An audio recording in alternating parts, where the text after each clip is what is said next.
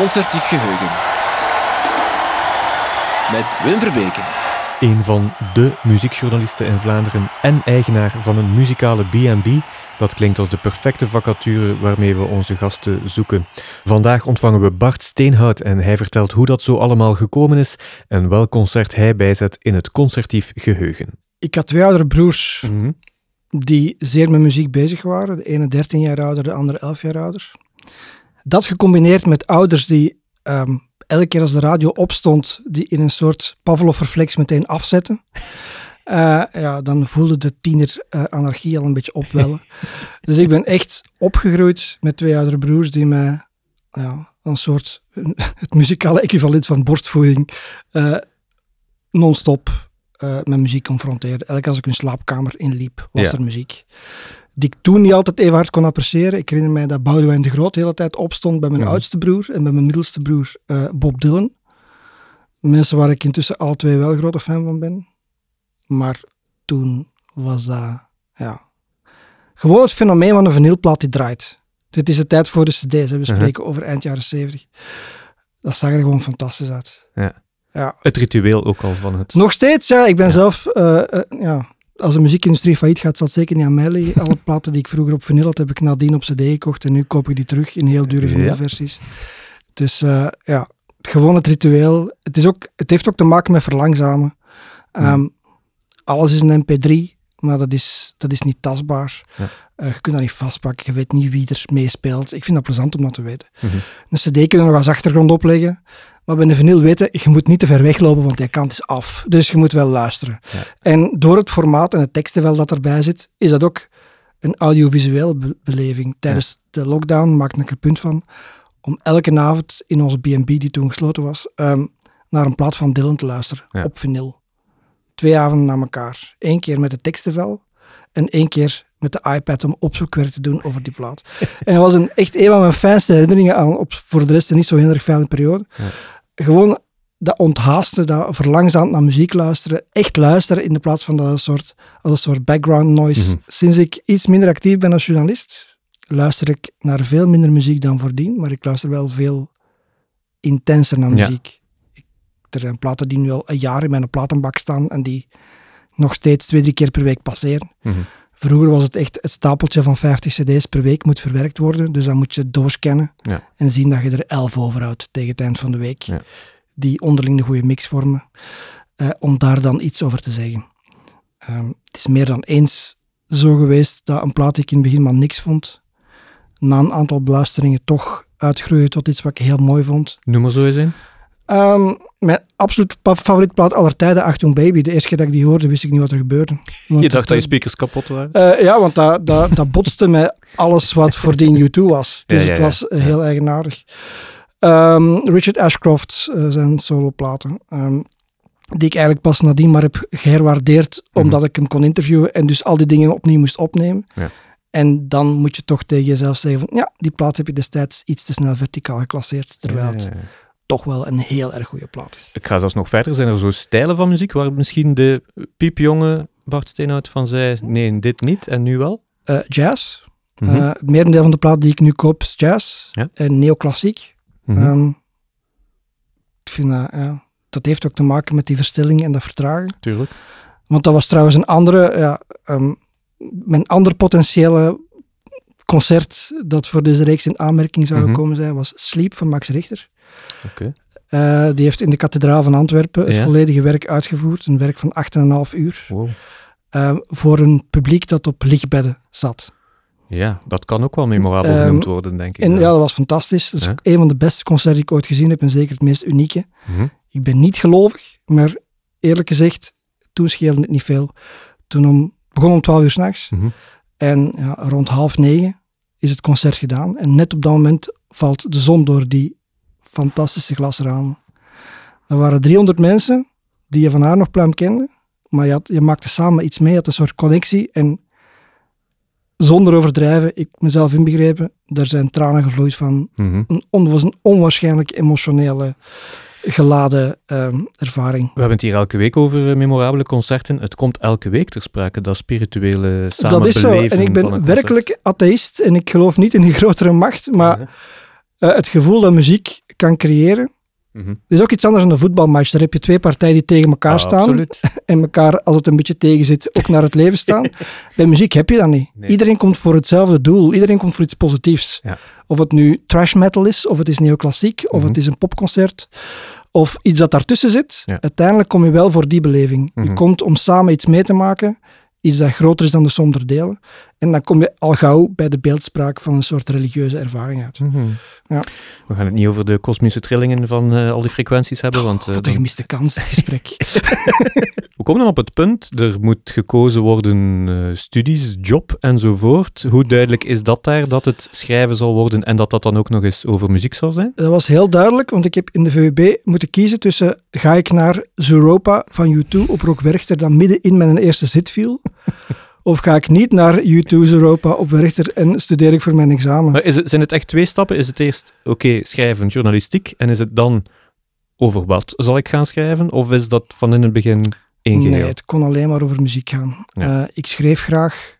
Ik eh, ben van kind af aan geobsedeerd door muziek. Je wordt recensent, je gaat ook heel wat interviews doen. Mm. Ik moet het toch weten. Ooit echt starstruck, nerveus geweest? Eh, niet voor Bruce Springsteen, die ik wel geïnterviewd heb.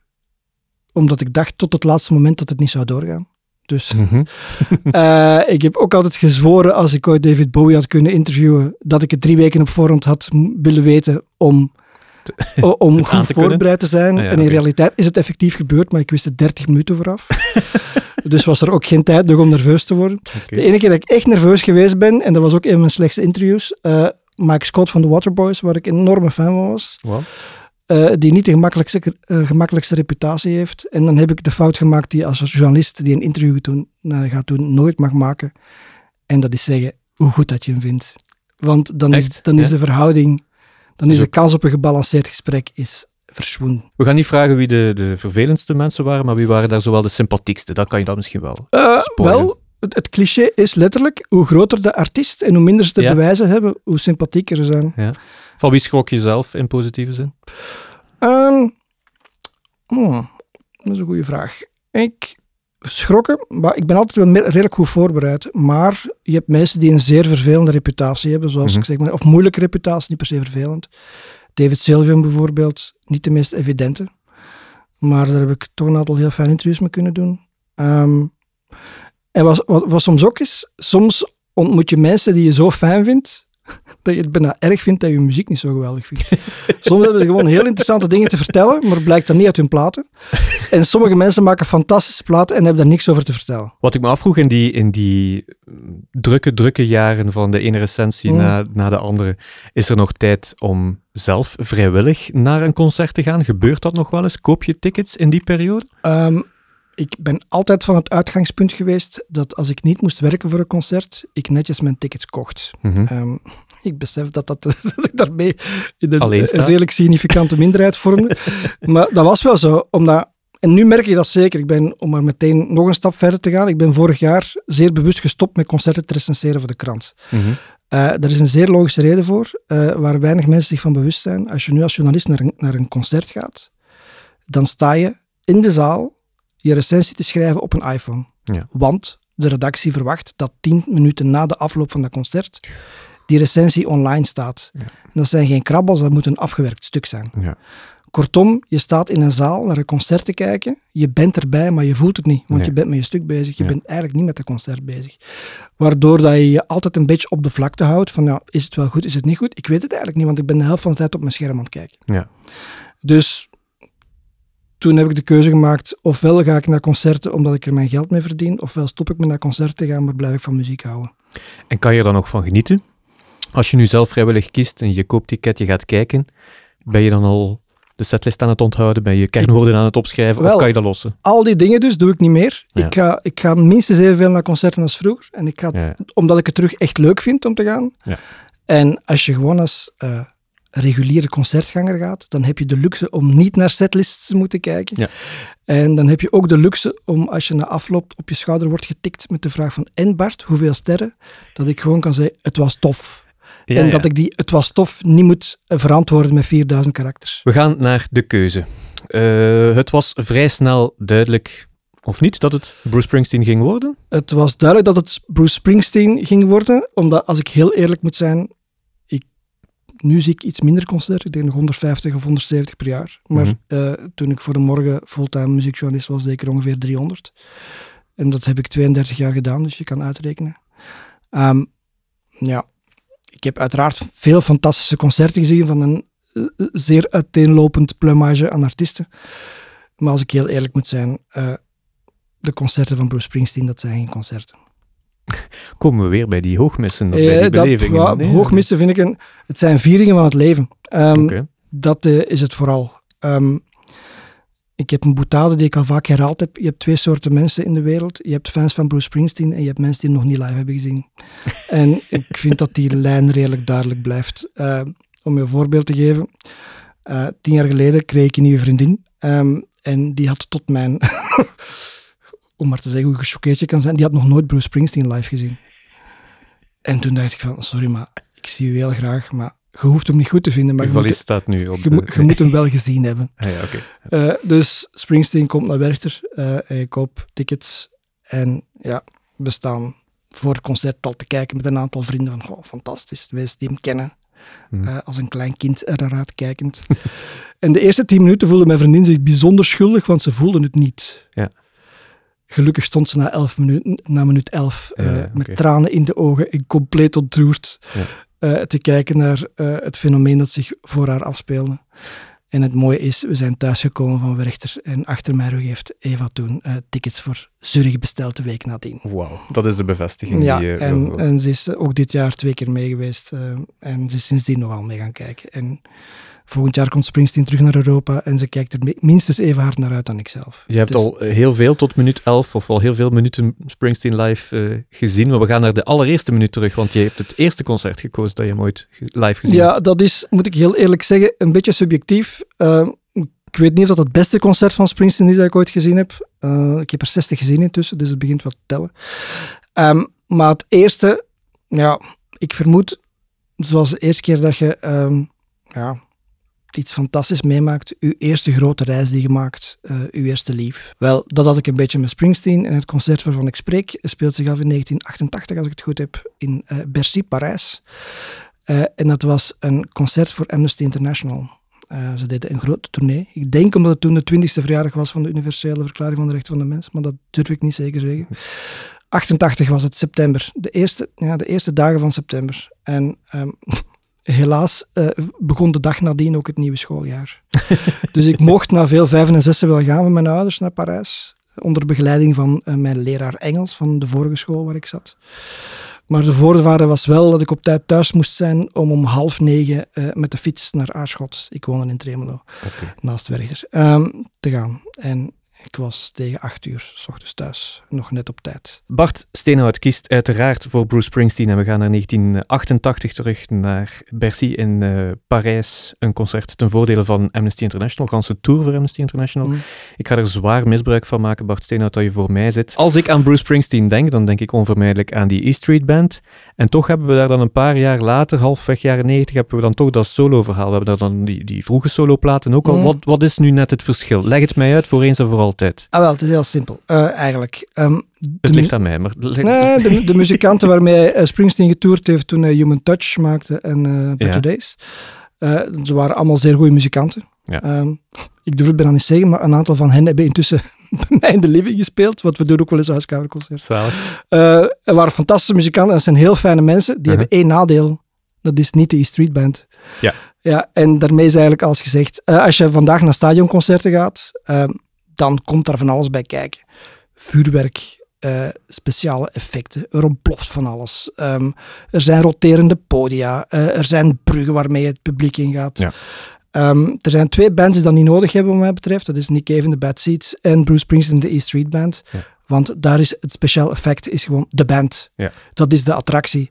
Eh, elke muzikant van die band is een attractie op zich. Mhm. Dat zijn niet alleen fantastische... Misschien zijn het niet eens de beste muzikanten, maar het zijn de beste muzikanten voor de E Street Band en het Ja. zijn de beste muzikanten voor Bruce Springsteen. Eh, de interactie tussen die mensen onderling, je voelt dat dat is organisch. Dat Mhm. zijn, ja... Die, die, die hangen bijna met een soort navelstring aan elkaar. Mhm. Die zijn groter dan zichzelf als ze samen op het podium staan. Uh, ik heb ook een aantal mensen van de E Street Band geïnterviewd. Je zou ze zo voorbij lopen als je ze ziet. Ja, ja, ja. Dat is, die zijn alleen maar bekend en herkenbaar als ze op het podium staan met de E Street Band. En Ja. dan kan je er ook niet naast kijken. Je bent eh, een echte kenner en toch gezond kritisch. Lukt dat dan bijvoorbeeld om nu ook al die mensen daarin te gaan vervangen? Ik denk aan de saxofonist enzovoort. Ik vind dat een Hoe- hele hoe- moeilijke. Hoe voel je dat aan? Al, hoe voel je dat als fan? Ehm, heel eerlijk gezegd, toen het nieuws binnenkwam dat Clarence Clemens gestorven was, ik zal het niet snel vergeten, ik had een interview met Jim Kerr en ik zag het op mijn, ik zag het op een, ehm, op mijn scherm binnenlopen. En ik heb echt interviews stilgelegd. Oh, sorry, maar dit is echt... Ja. En ook Jim Kerr is een heel grote Springsteen-fan. Ja. We, wij hadden alle twee dit komen ze nooit te boven. Mhm. Clarence Clemens is onvervangbaar Ja. bij de E Street Band. En dat heb ik lang gedacht, tot het ingenieuze plan kwam om dit te vervangen door zijn neef. Ja. Eh, en die, dus de enige die hem kon vervangen, die heeft hem vervangen. Die heeft dezelfde sound, speelt op dezelfde instrumenten, heeft dezelfde attitude. Ehm, dus dat is wel prima gelukt. Het is een soort Italiaanse family, Springsteen. en de hele clan, they take care, en, en hij is een beetje de bos, letterlijk en figuurlijk. Ja. En they take care of one another. Ja. Eh, de hele familie, de hele clan, daar wordt voor gezorgd. Ja. Ehm, en dat vind ik wel een heel mooi eh, signaal. En tot vandaag eh, zijn Clarence Clemens en Danny Federici eh, aanwezig Ja. tijdens de concerten. We hebben daar trouwens nog eh, de zoon van Max ook ja, gehad, die heeft ook al eens ingevallen. Ja, die is, toen Max. Weinberg vaste muzikant was bij een tv-programma. Ja, ja, heeft hij zich laten vervangen door zijn zoon. Maar Speelt, ja. Nu speelt hij bij Slipknot, geloof ik, of niet? No. Dat is de drummer van Slipknot, de, de, de zoon van Max Weinberg. en dat was heel schattig om te zien. Want Echt familie, dat familiegevoel wordt dat nog familiegevoel, ze spelen op, Pink, op Pinkpop hebben ze toen. Ik denk dat een van hun allereerste shows was die ze Mhm. met de, de zoon spelen. En je weet of je weet niet dat de, zeker in die periode de concerten van Springsteen werden geïmproviseerd door het publiek. Mhm. Eh, Ja. Springsteen ging het publiek in. Het publiek had allerlei kartonnen bordjes met, met verzoeknummers. Vreemd genoeg stond daar nooit Born in the USA en Dancing in the Dark op, maar altijd B-kanten of nummers die alleen maar op een bootleg eh, verkrijgbaar waren. Dus ja, dan pakt hij er een aantal uit. En dan ja, toont hij die aan de band. En dan, ik, herinner dat- ik herinner me dat hij zei van, ja, they don't know it. And he certainly doesn't know it. Ja. It's in G. En dan 1, 2, 3, 4 en we zijn vertrokken. En dat maakt de concerten van Springsteen zo fantastisch. Ja. Overigens, dat concert in Zurich, de Mhm. week nadien, 17 andere nummers op de set. Oké, ja. Ja, dan kan je meerdere keren gaan kijken natuurlijk. Ja, klopt. Vertel me ook eens over het inhoudelijke. Neemt je dat ook mee? Het is toch heel Amerikaans, maar het is ook heel universeel. Het is heel Amerikaans en het is heel erg niet-Amerikaans, vind ik. Eh, Mhm. Natuurlijk, zeker in de Born in the USA-periode, de opgepompte Ja. supersters. Ehm, ja, ik vind het nu is de minste plaat. Ik hoop dat ik hier niemand schoffeer door dat te zeggen. Born in the USA. Ik vind die heel erg overgeproduced. Eh, maar ik vind hem vooral... Ja, het is duidelijk aan welke kant van het politieke spectrum hij staat. Eh, dus ja, daar volg ik hem al vast in. Ja. Ik vind dat hij op een zeer heldere, poëtische manier kan vertellen over dingen die hij niet beleefd heeft. Want ja, hij is natuurlijk een bijzonder rijke superster Ja. intussen. Maar toch heeft hij nog altijd het gevoel behouden om over mensen die het minder goed hebben te schrijven. En op een manier te doen dat het niet geforceerd klinkt. Het zijn karakterstudies. Ehm, en dat eh, intrigeert mij zeer. Ik hou wel van een storyteller. Mhm. Het hoeft niet. Ik weet echt niet waar David Bowie over zingt. Eh, ook al ben hij er ook grote fan van. Maar in het geval van Springsteen, hij neemt je gewoon mee. Elk nummer is een film. Ik, ik heb voor de krant ooit het idee gelanceerd en ik heb het ook mogen doen, gelukkig. Toen hij eh, naar België kwam voor een nieuwe stadiontour die daar begon, kon ik op naar New Jersey gaan om daar de roots van Bruce Springsteen te traceren op basis van zijn songlyrics. Mhm. Dus alle plekken die aan bod kwamen in zijn platen. In de plek waar hij is opgegroeid. Ja. En daaruit kan ik één ding zeggen. It's a town full of losers and they pulled out of there to win. Want New Jersey, geloof mij, hek, in zijn nummers klinkt het allemaal fantastisch en poëtisch en droom je zo weg bij de landschap. Maar wat een trieste boel is het daar. Veel armoede, veel gesloten fabrieken. ehm, het is geen plek waar je wil wonen. Maar veel inspiratie te vinden dan. Ja, Eh, ja. en ironisch genoeg woont hij nu 11 kilometer verder dan Ja. waar hij toen is opgegroeid en waar hij toen al de nummers schreef. Dus hij is heel ver weggegaan om uiteindelijk toch terug te komen. De muziek, muzikanten, Mm. thematieken. Maar wat een energiebom is die man ook.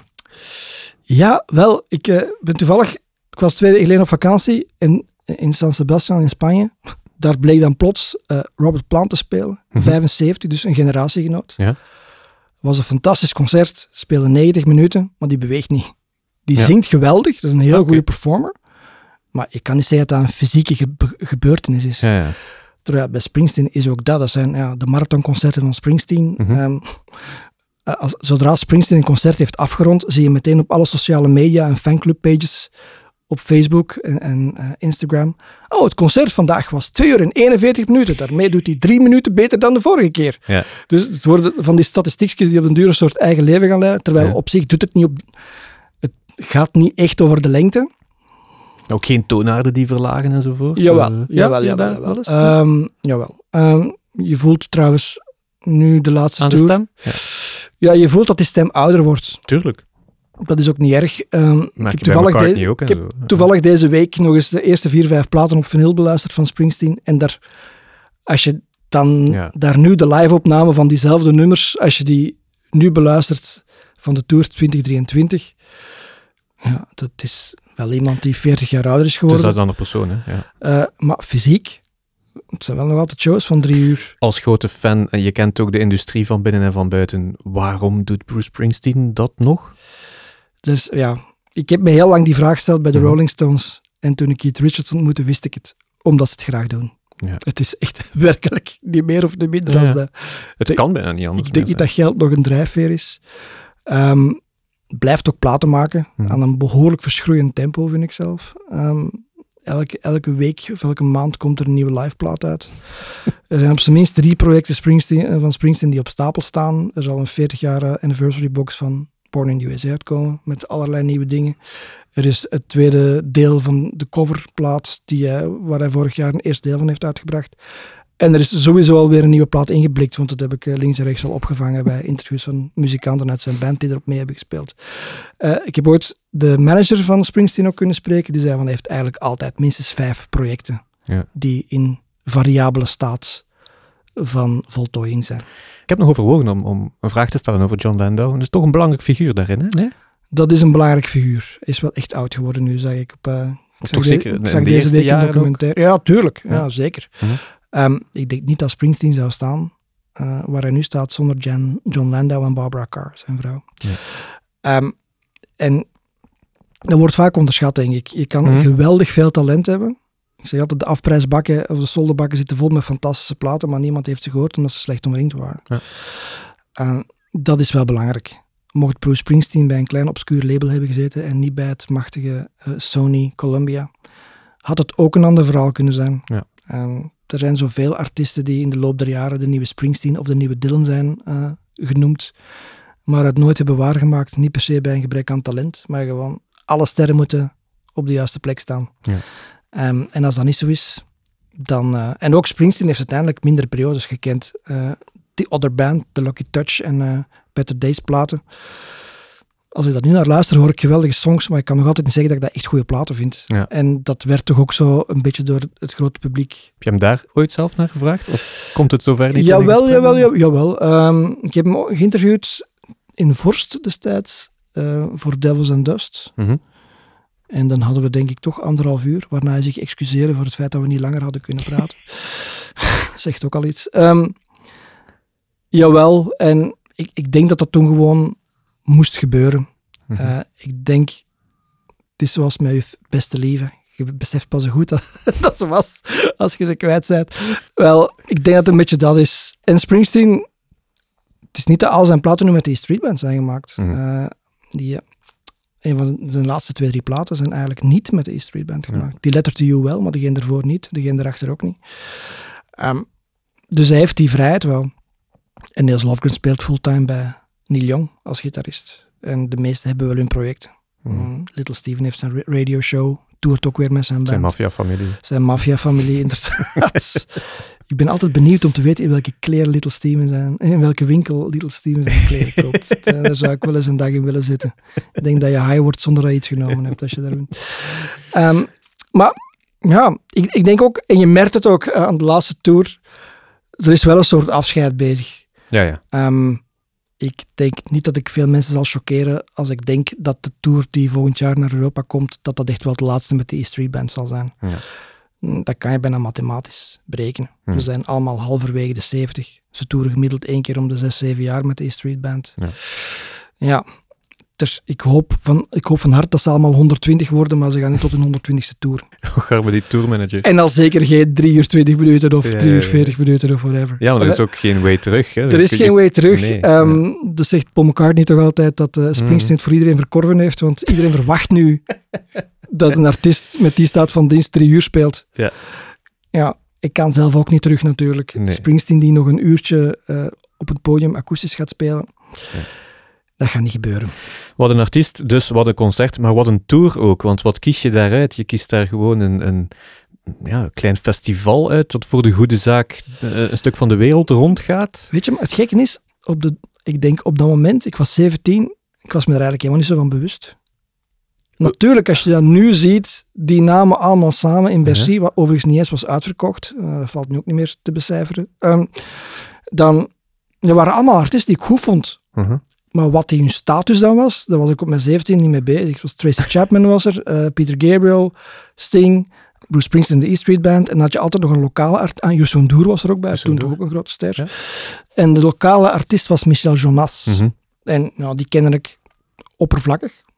Eh, vond ik toen heel mooi. Ik vond eigenlijk al die concerten goed. Want ja, ook gewoon de, de tour begon met al die artiesten samen op het podium die Ja. Get Up, Stand Up van eh, Bob Marley deden. Ja.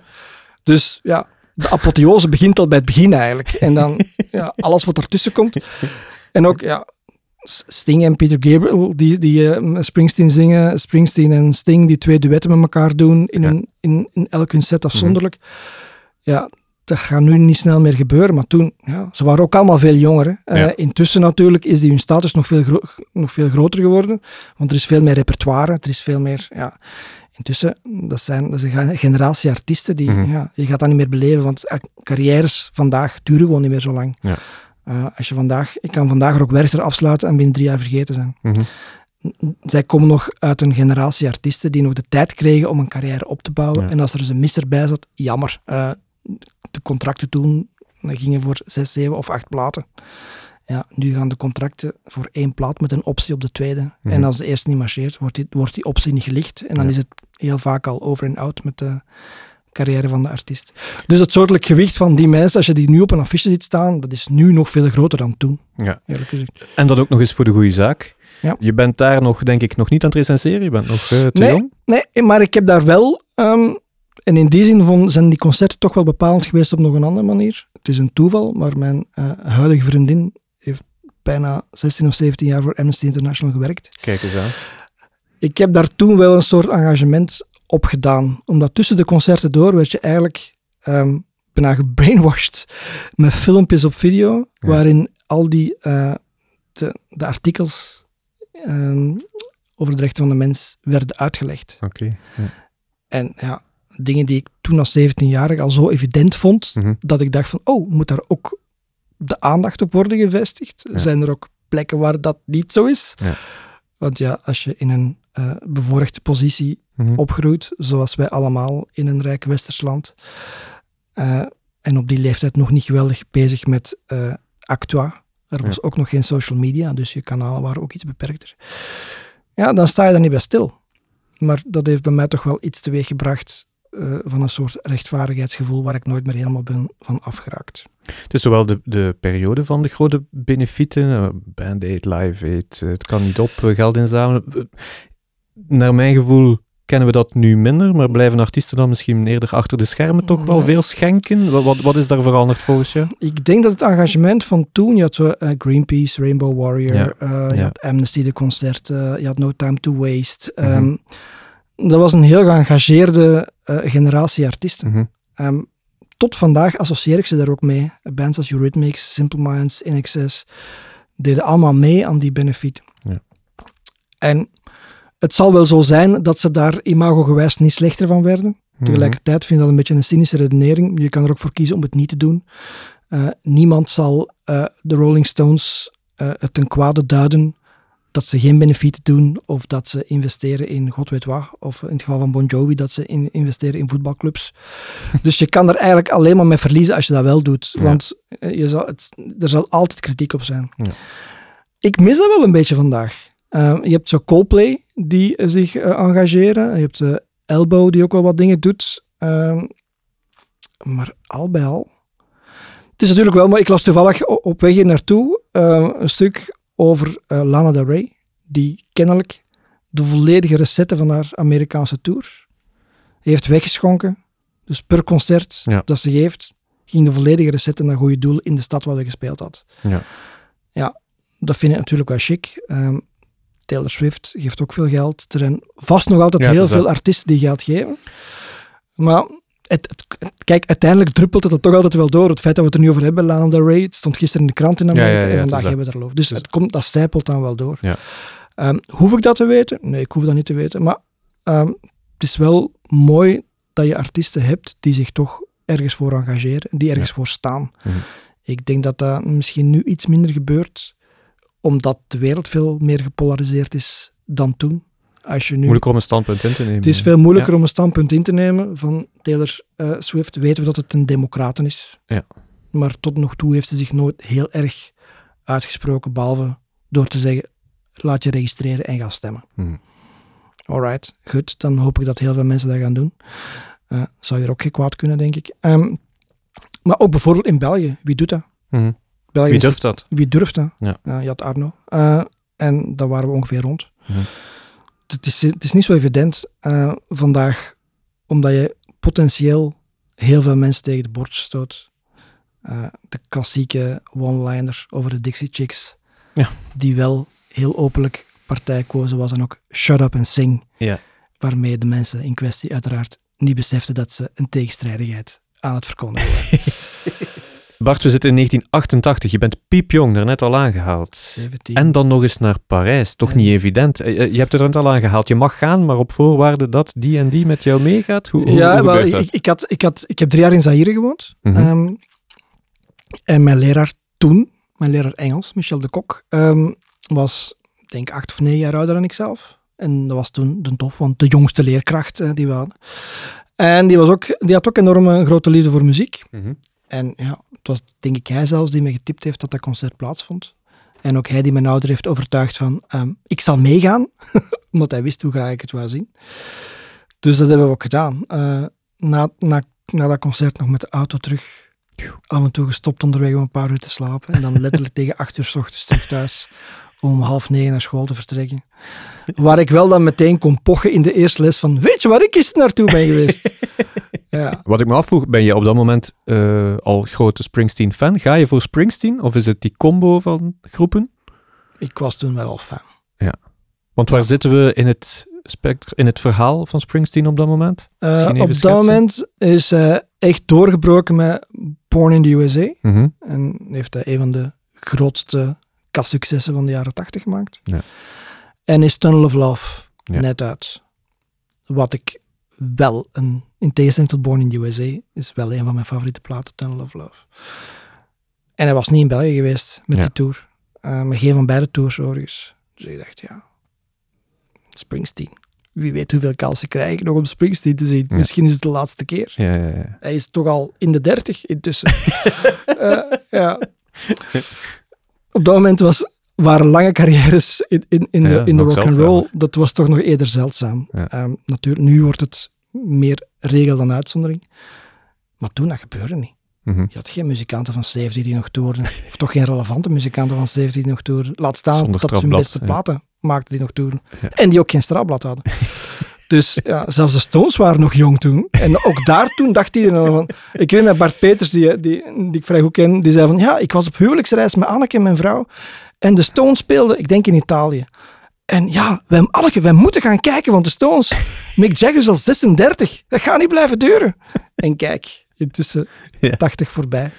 En ik sluit niet uit dat er nog iets wordt aangekondigd qua live tours. Of, of ja, ben vorige week naar Graham Nash gaan kijken, 81. Mhm. Dat blijft goed. Ja, waarom niet? Ja, Hoe mooi meegenomen is het dan dat die andere bands daar ook op die affiche staan? Ja, dat is meer dan mooi meegenomen. Mhm. Eh, ik was toen, denk ik, ook wel heel... Enfin, ik was enorm grote fan van Sting Mhm. en, van, en van Peter Gabriel ook. En Ja. van Tracy Chapman. Ja. Dus voor mij was het een beetje een droomaffiche. Je gaat dan voor Springsteen, maar is er dan ook een festivalgevoel van een headliner? Of, of hoe, hoe, hoe heb nee, je dat ervaren? dat vond ik eigenlijk niet. Net, Nee. om, net omdat ze heel vaak bij elkaar op het podium Ja, eh, verschenen. En ook omdat ze letterlijk de show beginnen door samen een nummer te zingen. Je hebt wel meteen het gevoel van, hm, dit is hier niet alledaags. ja. Eh, maar ook op dat moment, Tracy Chapman had één plaat uit. Voor hetzelfde geld was het een eendagsvlieg geweest Mhm. en, en was ze weer weg. Mhm. Eh, Sting was ook nog niet zo lang solo. Ehm, Peter Gabriel, ja, die had dan wel net zo gemaakt. Dus het was wel zijn grote doorbraak. Maar op dat moment, ja, het had nog alle kanten uit kunnen met Springsteen. En met, eh, ja, natuurlijk, je weet niet welke platen ze de volgende 30, 40 jaar nog gaan maken natuurlijk. Intussen weten we dat wel. Dus die concerten hebben eigenlijk een veel groter soortelijk gewicht gekregen naar gelang eh, de tijd verstreken is. Opmerkelijk, als Bruce in Frankrijk het podium opstapt, dat het publiek eh, iets heel vreemd begint te roepen. Ja, dat was mijn eerste concert in Frankrijk.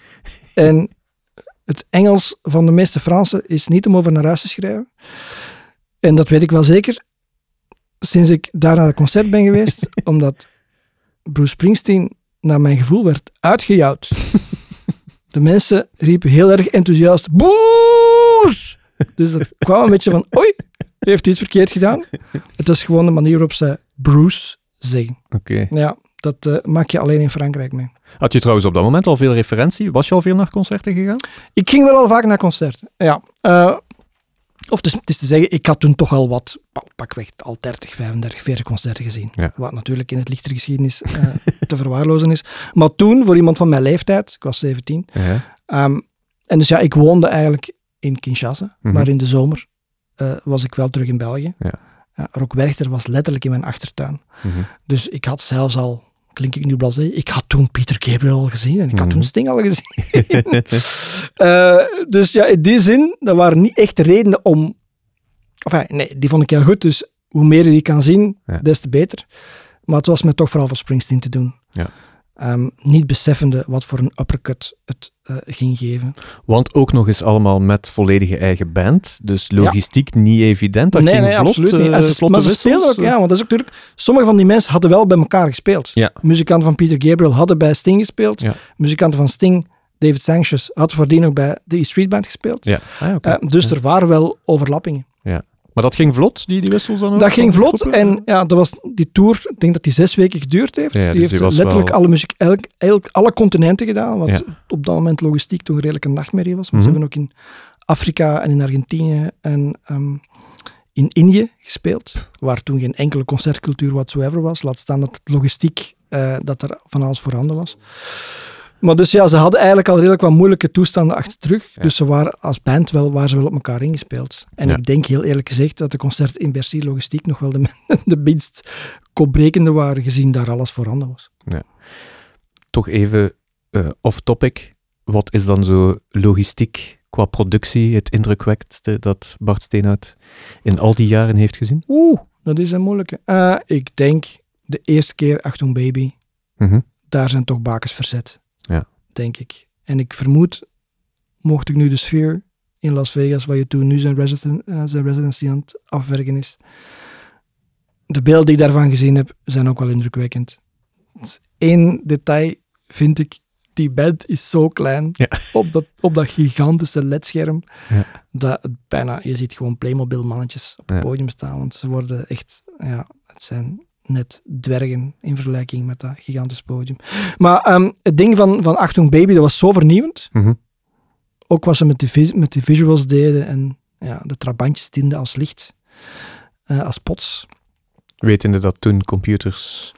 Ja, ja, natuurlijk. Net, als, je, als je dat nu eh, een bekijkt, denk je van, oh, opslaan. dit programmeren we wel even, maar dat Ja. was toen helemaal niet zo. Nee. Dus dat vond ik qua, qua visuele hoogstandjes toch nog altijd een van de allerstrafste dingen. En qua klank zo? Is er daar zo een uitschieter? Wat klinkt er als een bel in al die duizenden concerten dat je gezien hebt? Ehm, David Bowie Mhm. klonk altijd helder, vond ik. Ook als zanger. Mhm. En George Michael. Denk Ja. ik de beste zanger die ik ooit op een podium heb weten staan. Ja. Puur als zanger. Ja. Dat blijft eh, toch ook wel indrukwekkend. Mhm. En als beleving, eh Kraftwerk, de 3D-shows. Ja, ja. Blijft tot nog toe ook een redelijk uniek concept. Je hebt het net al gehad over bruggen, vuurwerk enzovoort. je hebt het dan toch over het 3D-gegeven bij Kraftwerk. Zijn er mogelijkheden om dat toch nog interessant te maken en te houden? Of zie je het eerder Maar de muziek van? Kraftwerk is op zich redelijk statisch en zijn nog veel meer, want ze staan letterlijk vier op een rijtje er achter, staan, achter hun ja. lap. Ja, ze staan er, maar ze staan redelijk onbeweeglijk achter hun laptop. Dus daar gaat het echt wel over het visuele concept. Ik heb ze ook al zonder die, die eh trucendoos gezien en dat blijft ook goed. Mhm. Dat zijn gewoon heel mooie retro-futuristische video's.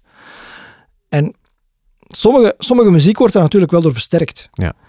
Maar het is niet zo als het slechte muziek zou zijn, dat het daardoor dan plots betere songs worden. Ja. Ehm, er zijn genoeg shows in het Sportpaleis eh, die ik beroepshalve gezien heb, waar ik van denk van ja, toffe show, maar de nummers blijven echt wel ondermaats. Ja. En oké, ik hoor je nu eh, playbacken en nu hoor ik je live zingen en nu zou ik eigenlijk liever hebben dat je ook playbackt. Ja, en nu begrijp ik uw bintekst niet. en nu begrijp ik je bintekst niet. Ja. Of oh, zelfs uw bin- bintekst staat op tape. ook, ook meegemaakt. Britney Spears, om geen naam te noemen. Stond letterlijk voor mijn neus te lippen terwijl er helemaal iets anders gezegd werd. Eh, en al de rest stond ook op tape. Dus dat... eh, Ja. En de paar keer dat ze live gezongen heeft, daar bestaan YouTube-opnames Dat onthoud je je ook. Hè? Dat, Die eh, moet dat- je maar eens opzoeken. Wat ik me dan afvroeg, eh, eh, je bent eh, 17, 18 jaar, je gaat naar een concert. Gaat de jonge Bart Steenhout nadien ook zelf op zoek naar reviews van dat concert? Nee, en dat klinkt nu helemaal tegen mijn winkel in. Ik heb eigenlijk nooit reviews gelezen. en meer nog, ik heb nooit reviews gelezen omdat ik die eigenlijk nooit ter zake vond toen. Ja. Ehm, ik heb net eens het is te zeggen ehm, ik lees alleen maar positieve plaatreviews. Ja. Die je Negatieve goesting doen krijgen om... Negatieve reviews, ja, die lees ik niet, omdat ik denk van ja, het is niet omdat jij het niet leuk vindt dat ik het niet leuk kan Ja, vinden. ja, En sommige dingen zijn meer je ding als andere natuurlijk. Mhm. Maar ik word toch nog altijd wel graag begeesterd door een recensie of door een artikel of door een interview. Ik heb zelf, en dat meen ik met de hand op het hart, altijd geprobeerd om zo eerlijk mogelijk te schrijven. Eh, dat wil ook zeggen dat ik soms heel streng ben geweest voor mijn allergrootste helden. En toch altijd geprobeerd heb om nog iets positiefs te vinden in concerten waar ik van dacht van, ai, dit gaat de verkeerde kant Ja, ja. uit. Ehm, of sommige mensen kunnen heel goed platen maken, maar zijn niet geschikt om dat ook nog naar een live context te vertalen. En Mhm. vice versa. Sommige platen zijn heel flats, maar dan merk je wel dat de bands op het podium Ja. pas echt helemaal tot uiting komen. Eh, Dave Matthews Band, eh, een, een groep waar ik ook eh, nogal een zwak voor heb. Eerlijk gezegd, die studioplaten, ik kan eens zeggen dat ik dat vaak opzet. Mhm. Het is geen toeval dat de meeste platen van Dave Matthews Band, dat dat live platen zijn. Ja. En daarom wordt het echt magisch. Ja. Dat, eh, ja, dat is iets dat je moet gezien hebben. Mhm. En dat is wel het leuke aan de job. Ehm, ik heb er altijd een punt gemaakt om naar zoveel mogelijk uiteenlopende dingen te gaan kijken. Ja. Dingen waar ik misschien nooit een kaartje voor zou gekocht hebben. En dan leer je ook dat er in elk genre echt goede dingen zitten. Mhm. En ook in elk genre dingen waar je van denkt van, nou, dit ligt mij iets minder, of dit is mijn ding niet, of dit heb ik één keer gezien, volledigheidshalve, en nu weet ik dat ik het niet nog eens moet doen. Daaraan toevoegend moet ik wel zeggen, de eerste keer dat ik Bob Dylan zag, dat dat misschien nog altijd het slechtste concert is dat ik alle tijden gezien heb. Ik heb toen gezworen dat ik nooit nog naar Bob Dylan gaan, ben- zou gaan kijken, maar ik heb gelukkig mijn eigen woord gebroken. En ik heb hem toch nog heel goed gezien. Gelukkig. Je kiest een concert uit 1988, dus we zitten pre-YouTube, pre-smartphones enzovoort. Eh, er zijn wel officiële opnames van verschenen. Zijn er in die tijd zijn daar ook bootlegs van en zo die, die circuleren? Volg je dat? Hou je dat bij? Ben je zo'n grote fan? Ja, ik denk eerlijk gezegd dat ik nu toch wel een goede meter Springsteen live platen heb staan thuis. Eh, eh, ook niet, niet officiële. eh, Ja, allemaal, ja, dat is het mooie. hè. Ja, ja, ja. Springsteen brengt elke maand een officiële live plaat uit. Toch, en die is fantastisch afgemixt. Dus alle concerten waar je zelf naartoe gaat, die kan je achteraf ook gewoon netjes bestellen. En zes weken later zitten die mooi keurig verpakt in de bus. En ik luister die ook allemaal heel vaak. Het is echt heel fijn om dat te luisteren. Ehm, ja, ik kocht toen ook wel bootlegs, maar in die periode was, de kwaliteit van de bootlegs iets minder gegarandeerd. Dus er zat ook best wel wat rommel bij. Ja. Eh, maar wat wel zo is, en je houdt het goed aan, vind ik, ja, toen had je geen social media. Ja. Dus er was toch nog veel dat je je moest verbeelden. Mhm. Nu is alles instant toegankelijk. Als Taylor Swift gisteren een concert heeft gegeven, dan kan je daar vandaag al fragmenten van op YouTube zien, of Ja. op haar eigen TikTok-kanaal, of op haar Instagram. Ehm, en ik, ik haal het voorbeeld aan omdat ik er mezelf op betrap. Ik ga volgend jaar naar Taylor Swift kijken in Portugal. Ehm, En normaal kijk ik nooit vooraf naar wat er gaat komen. Want dan ja, dat is een beetje een deel van de voorpret. Ja. Maar nu wordt het door social media zodanig in mijn strot geramd, Ja. dat ik er mij soms toch op betrap dat ik toch al naar clipjes aan het kijken ben. Ja. Ja, dat zou ik beter niet doen, want ja, de fantasie overtreft altijd de werkelijkheid. Mhm. En het is eigenlijk beter om het op die manier te beleven. Maar ook daar, de magie gaat eraf. eh, elke plaat is beschikbaar. Het is gewoon één eh duim, toets op je laptop en je hebt ze. Vroeger moest je zoeken naar een plaat. En als je die dan tegenkwam in een platenwinkel, dan was je week goed. Mhm. Nu vind je alles. Ja. Noem me de meest obscure plaat. En binnen 10 seconden zijn we er samen naar aan het luisteren. Mhm. Dat was vroeger wel anders. Eh, Ja. Zelfs van grote artiesten waren er af en toe eens platen niet beschikbaar. Dan moest je maar wachten tot ze terug gepest werden en tot je terug in een platenwinkel kwam. Ehm, ik, ik ben een heel grote fan van, van, van iTunes en zo. Dat heeft de muziek gedemocratiseerd voor de, voor de luisteraar. Mhm. Ehm, ik ontdek nu ook, of ik hoor soms mensen bij ons in de straat. eh, ik, ik woon op een nogal druk plein in Antwerpen, de Dagraadplaats. Daar hoor ik soms om twee uur s'nachts nog 16-jarige eh, nummers van 50 jaar oud zingen. Waar ik van Mhm. denk van, wauw, Ja. mocht ik die tijd 16 jaar geweest zijn, ik zou daar nooit achter zijn gekomen. Dus door de digitale, do- door het streamen, eh, wordt muziek ook een beetje generatieloos. Dus te zeggen, eender wie, of je nu een nummer zoekt van deze week, of je zoekt een nummer van 70 jaar geleden, de actie om dat te vinden is exact hetzelfde. Mhm. Dus in die zin is het een democratisch medium geworden. Het nadeel is natuurlijk dat veel artiesten er eh, nauwelijks nog hun brood mee verdienen. Ja. Dat is ook wel, ja, veel mensen staan er niet bij stil. Maar Met behalve, grote gevolgen. behalve de echt allergrootste, die eh, uiteraard, de Taylor, Taylor Swift zal, zal, zal niet, ga- niet gaan honger lijden. Eh, maar dat is de toplaag. Ik denk zelfs driekwart van de artiesten die op dat fiche maar ook werkt te staan, dat je ervan zou schrikken wat hun inkomsten maar zijn Mhm. van eh, de fysieke verkoop of van de, het, het downloaden of het streamen. Ja. Mensen zeggen wel eens van, nou, concerttickets zijn heel erg duur geworden. Dat klopt. ik, moet ook, ik moet daar ook voor sparen. Ja. Maar dat is natuurlijk omdat de andere bron van inkomsten is opgedroogd. Mensen kopen geen platen meer. Eh, mensen luisteren naar platen. Eh, we kwamen erbij door de digitale revolutie, maar ik wil dan toch het omgekeerde ook nog even checken. Ooit gemerkt dat eh, herinneringen romantiseren in de loop van de jaren? Dat je iemand tegenkomt waar je misschien 30 jaar geleden mee op een concert was en dat die herinneringen toch enorm verschillen? Wel, om het voorbeeld van het concert dat ik gekozen heb, Ja. maar even erbij aan te halen. Michel, met wie ik naar dat concert geweest ben, Ja. herinnerde zich daar niks meer van.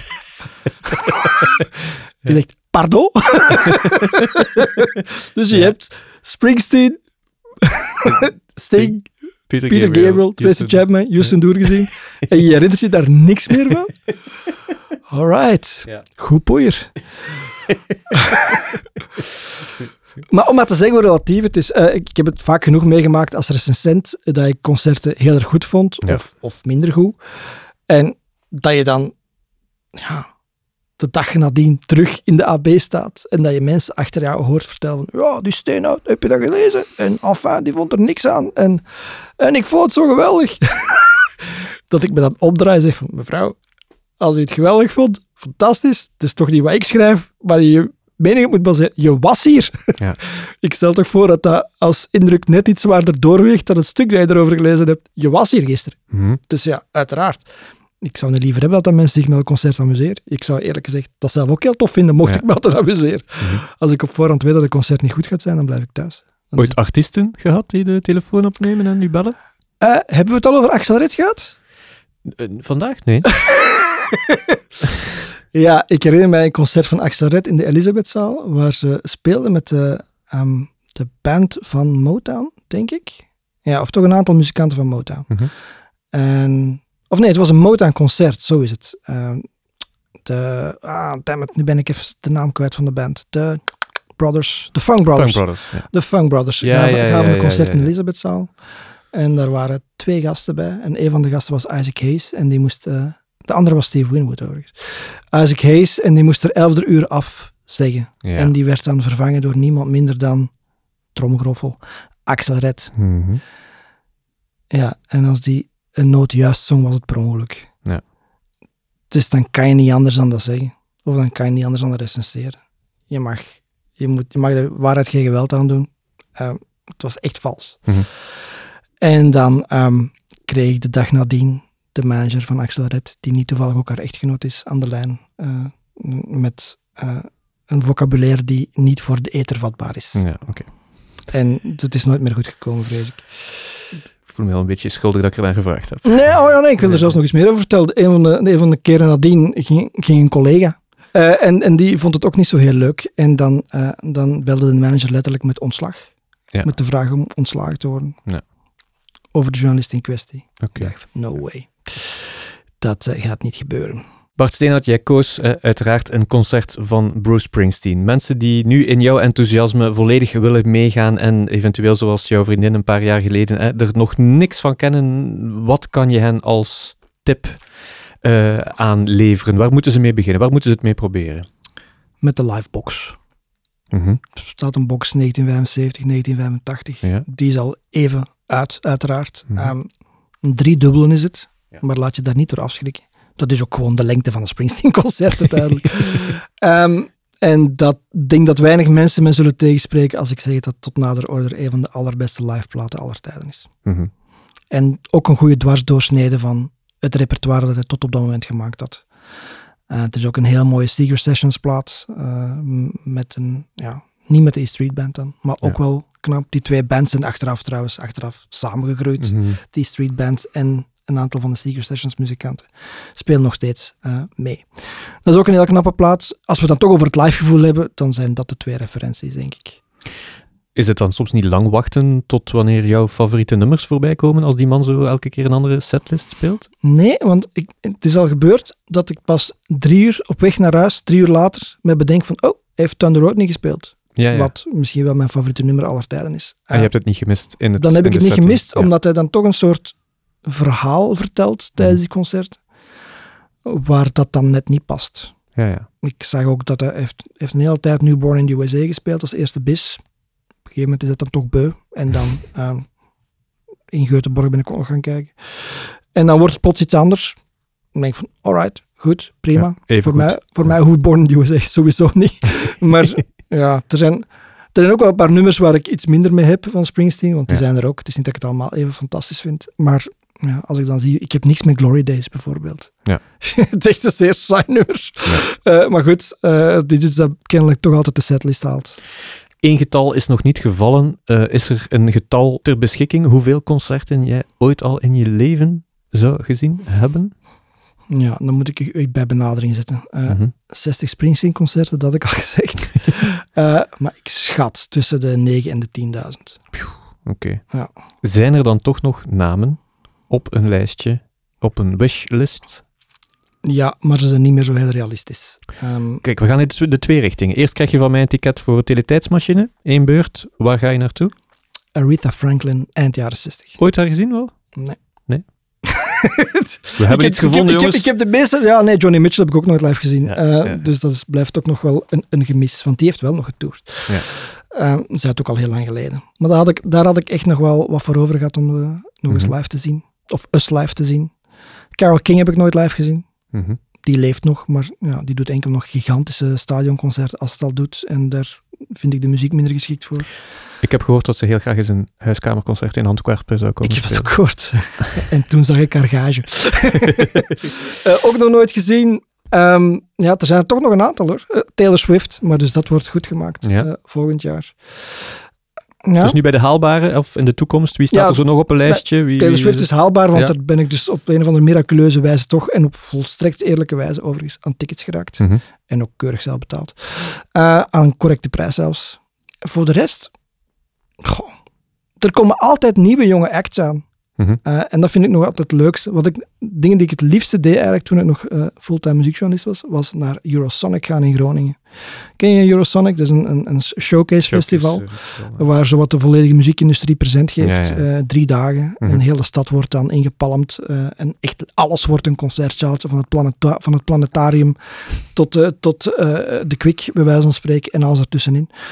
En daar zie je in de meest kleine informele omstandigheden acts die 30 minuten de tijd krijgen om te spelen. Om Ja. zich daar te bewijzen. Dus als het heel goed is, dan wil je meer. En als het heel slecht is, is het zo voorbij. Ja. En elke keer ontdek je daar fantastische dingen die zes maanden later uit hun voegen barsten en echt doorbreken naar Mhm. een enorm groot publiek. Ehm, en de, meestal zijn het namen waar je vijf minuten voor het concert begint nog nooit van gehoord hebt. Mhm. En dat ontdekken, dat blijft toch altijd, ehm, dat, dat blijft toch altijd wel een kick. En verder, ja, ik doe zelf huiskamerconcerten. Waarom? Mhm. Ook dat, omdat ik dat eigenlijk de ideale context vind om vele soorten muziek te zien. Ja. Eh, Amen Ra zal ik helaas niet snel op bezoek hebben, maar er zijn genoeg singer-songwriters of popbands of jazzbands of rockbands die wel in die context eh, kunnen spelen. En dat zijn echt magische avonden. Mhm. Eh, waar alle showbusiness wegvalt en waar het alleen om de muziek draait en waar de mensen echt luisteren. Het was letterlijk het woord magie dat door mijn hoofd ging. Kan je er nog steeds van genieten, van die, die symbiose te zien, die wisselwerking? Die, wat- wat, Absoluut. wat blijft het hem doen voor jou, denk je? Absoluut. Nou Ja, dat, dat, dat, Ja. dat alles, dat de showbiz wegvalt. Ja. Dat het echt puur de beleving in de muziek is, dat je er ook echt in kan zitten. Mhm. En dat is in een huiskamer is dat iets gemakkelijker, omdat de, Kan het niet de- anders, de ja. context heel klein is. Ja. Maar ook daar kan je het heel snel verknallen met fout licht of met iemand die zijn gsm nog heeft laten aanstaan. eh, of die met flash begint te fotograferen. Dus dat gebeurt allemaal niet bij ons. Omdat, ja, dat is wel eens geweest. En dan zie je meteen dat het, dan is, dan is de, de spel is broken. Ja. En dat wil je vermijden. Eh, net omdat het zoiets fantastisch is. En ja, ook, ook daar gebeurt het wel eens dat ik mijn favoriete artiesten over de vloer heb. en dat is dan toch eh, iets waar de 12-jarige Bart is heel hard mee in zijn arm moet knijpen om te kijken of het wel gebeurt. En dan ben ik even enthousiast en nog, nog altijd even verwonderd dat het dan toch gebeurt. Ook Mhm. al heb ik al zoveel concerten gezien. Ehm, ik zeg het niet omdat het zo is, eh, omdat ik het moet zeggen, maar een aantal van de mooiste concerten van de afgelopen jaren heb ik letterlijk bij mij thuis gezien. Ja. Ehm, niet alles is even goed, maar er zijn in die context zie je soms toch dingen gebeuren die je nooit voor mogelijk had gehouden. Mhm. We zijn voor deze reeks op zoek naar grote concertgekken, zal ik ze maar noemen. Tik jij ook eens iemand aan, Bart Steenhout? Wie Oeh, moeten we eens Dat je spreken? me voor moeten zeggen. Ehm, wat mij altijd verbaasd heeft, is nu geen antwoord op je vraag, maar net, net omdat de meeste mensen het misschien toch evident vinden, er zijn ook heel veel muziekjournalisten die ik eigenlijk bijna nooit op concerten zie. Ja. Terwijl ik denk van, ja, dat is toch jouw terrein. Mhm. Inge Schelstraten van de Standaard is iemand die nog heel vaak naar concerten gaat en daar ook zeer bevlogen over kan vertellen. Top. En ook iemand die al flink wat eh, jaren op de teller heeft qua ervaring. Mhm. En nog steeds op een zeer bevlogen en gepassioneerde manier over muziek kan schrijven. Top, dankjewel. Bart Steenhout, dank u. Met veel plezier.